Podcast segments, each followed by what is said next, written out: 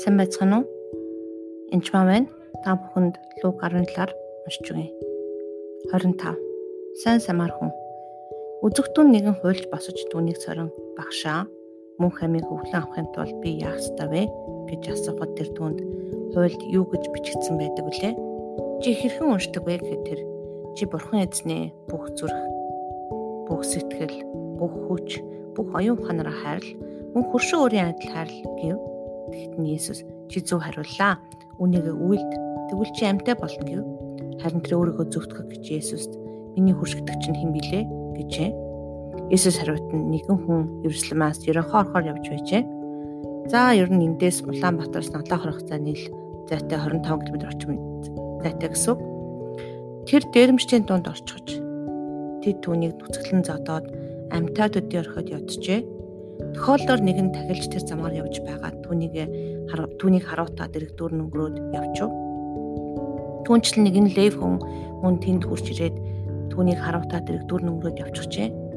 Харин түүгээр явж байсан нэгэн самар хүн түүнтэй таарчээ.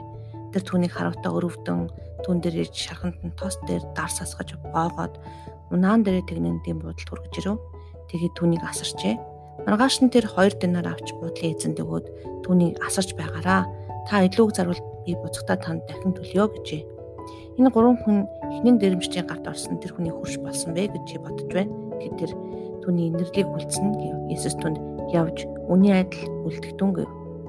Сайн самар хүний түүхийг харахтаа бид нар хөөх бид нар тэр тусалдаг хүн дээр нь бай гэж боддог.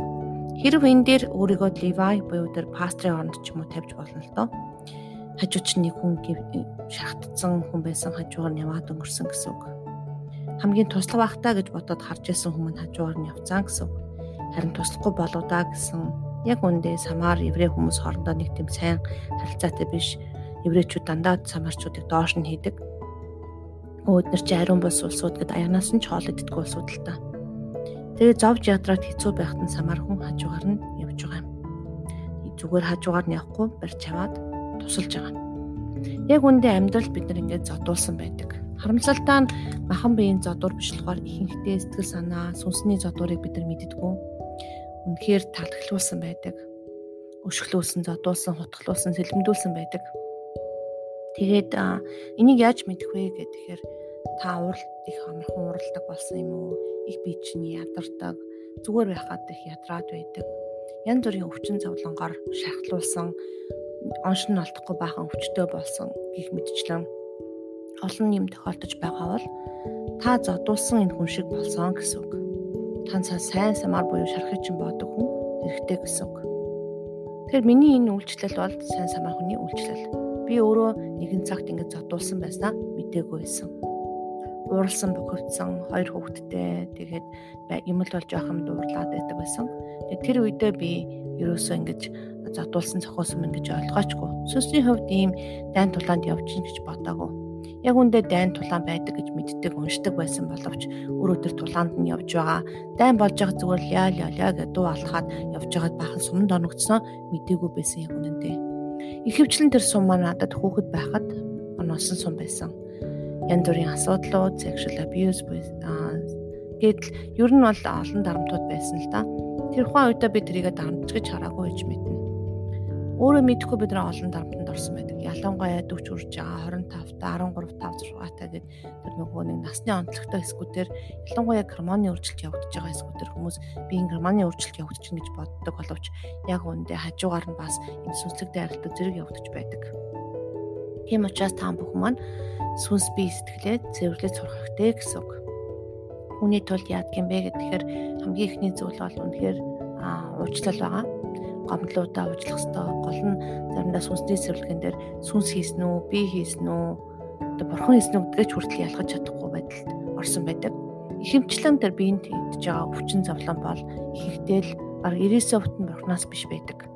Тийм учраас үнэхээр бурхан таныг эдгэрээсээ чин сэтгэлээсээ хүсэж байгаа учраас зөв залбирах, эдгэрлийн талаар сайн сонсож суралцаараа өөрсдийнхөө бас эрх мэдлийг мэдэж аваарай. Аа тэгээд хамгийн дараагийн зүйл бол талархал байгаа. Тэгээд бид нар талархлын цэцлэг өдөр болгон хийдэг байгаа. Яаж талархах вэ гэж юу? Хүүхдүүдтэйгээ талархдаг байгаа. Маш энгийн зүйлээс эхэлдэг би хүүхдүүдтэй хамартадаа баярлалаа, амьсгалтаа баярлалаа. Тэнгэрт баярлаа, яс мэлхинд баярлаа гэл дэлхийд баярлаа, шавжинд баярлаа, агаар усанд баярлаа гэж хийж эхэлдэг байгаа. Ахтадаа дүүтэдээ баярлаа гэж мэдээж талархах зүйл зүйндээ бүх амьдрал талархаж болно, бурхан талархаж болно. Тэгээ хүүхдүүд байгаа юмдаа талархаж сурахад бол маш чухал зүйл. Ялангуяа томчууд бид нар шүү Мөрөө хүсэл мөрөөдлөөрөө амьдарч байсан мөртөө би талархаж байгаагүй тохиол байсан. Би докторт сурыг гэж хичнээн хүссэн мөртлөө яг доктор дөр сураад ихэд хэцүү байсан. Тэр үед нь хүүхд гаргасан нөхөр нь Монгол явцсан ч гэдэг юм хэцүү ажилтаа хахад ажил сургууль баахан ачаалал дийлдэхэд би маш гомдолж гоншгож байсан шүү. Тэгээд бурхан уул өдрөө өгсөх ямар вэгжилсэн би хэцүү гжилсэн. Тэгээ уул руу өксөж байгаагаа мэдчих хэцүүг нь мэдсээрэж юунд гаж гонших нь вэ?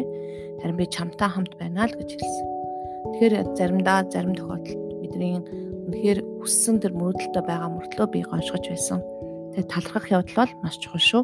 Та бүхэнд талархаасаа гэж хүсэж байна. Тэгээд би сэтгэлийн зэр цэвэрлэгээнүүдээ хийж сурахын тулд дараагийн эпизод мэдээ минь сайн сонсороо. Тэгээд хагас өдрийн хичээлд бас орж ирж байгаараа та бүхэнд баярлалаа. Música